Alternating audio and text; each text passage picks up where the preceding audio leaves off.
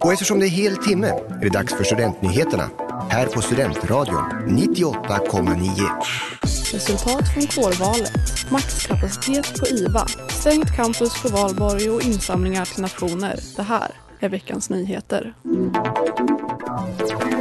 Den 21 april klockan 20.00 avslutades röstningen i årets kårval till Uppsala studentkår och dagen efter presenterades resultatet. Uppsala universitets studenter fick 41,7 procent av rösterna och tilldelas 16 mandat. S-studenter fick 34,8 procent av rösterna och därmed 13 mandat. En ökning med ett mandat från förra året. Allians för kåren fick med 11,5 procent av rösterna fyra mandat. En minskning med ett mandat sedan förra året. 12 procent av rösterna var blanka. Årets valdeltagande i kårvalet låg på 25,74 procent. Detta innebär en ökning från förra årets 6,6 procent, uppger Ergo.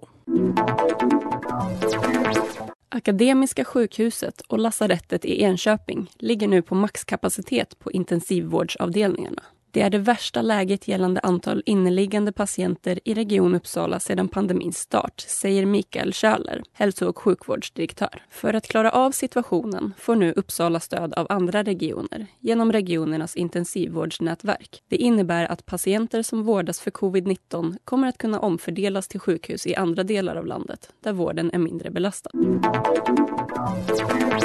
Samtliga campus kommer vara stängda under valborg från klockan 18 den 29 april till klockan 9 den 1 maj, meddelar universitetet på sin hemsida. Enbart personal och de studenter med obligatoriska fysiska moment under tiden kommer vara behöriga att befinna sig på campus. Anledningen är att man vill motverka risken för folksamlingar på universitetsområden. Även Botaniska trädgården kommer vara låst under denna tid.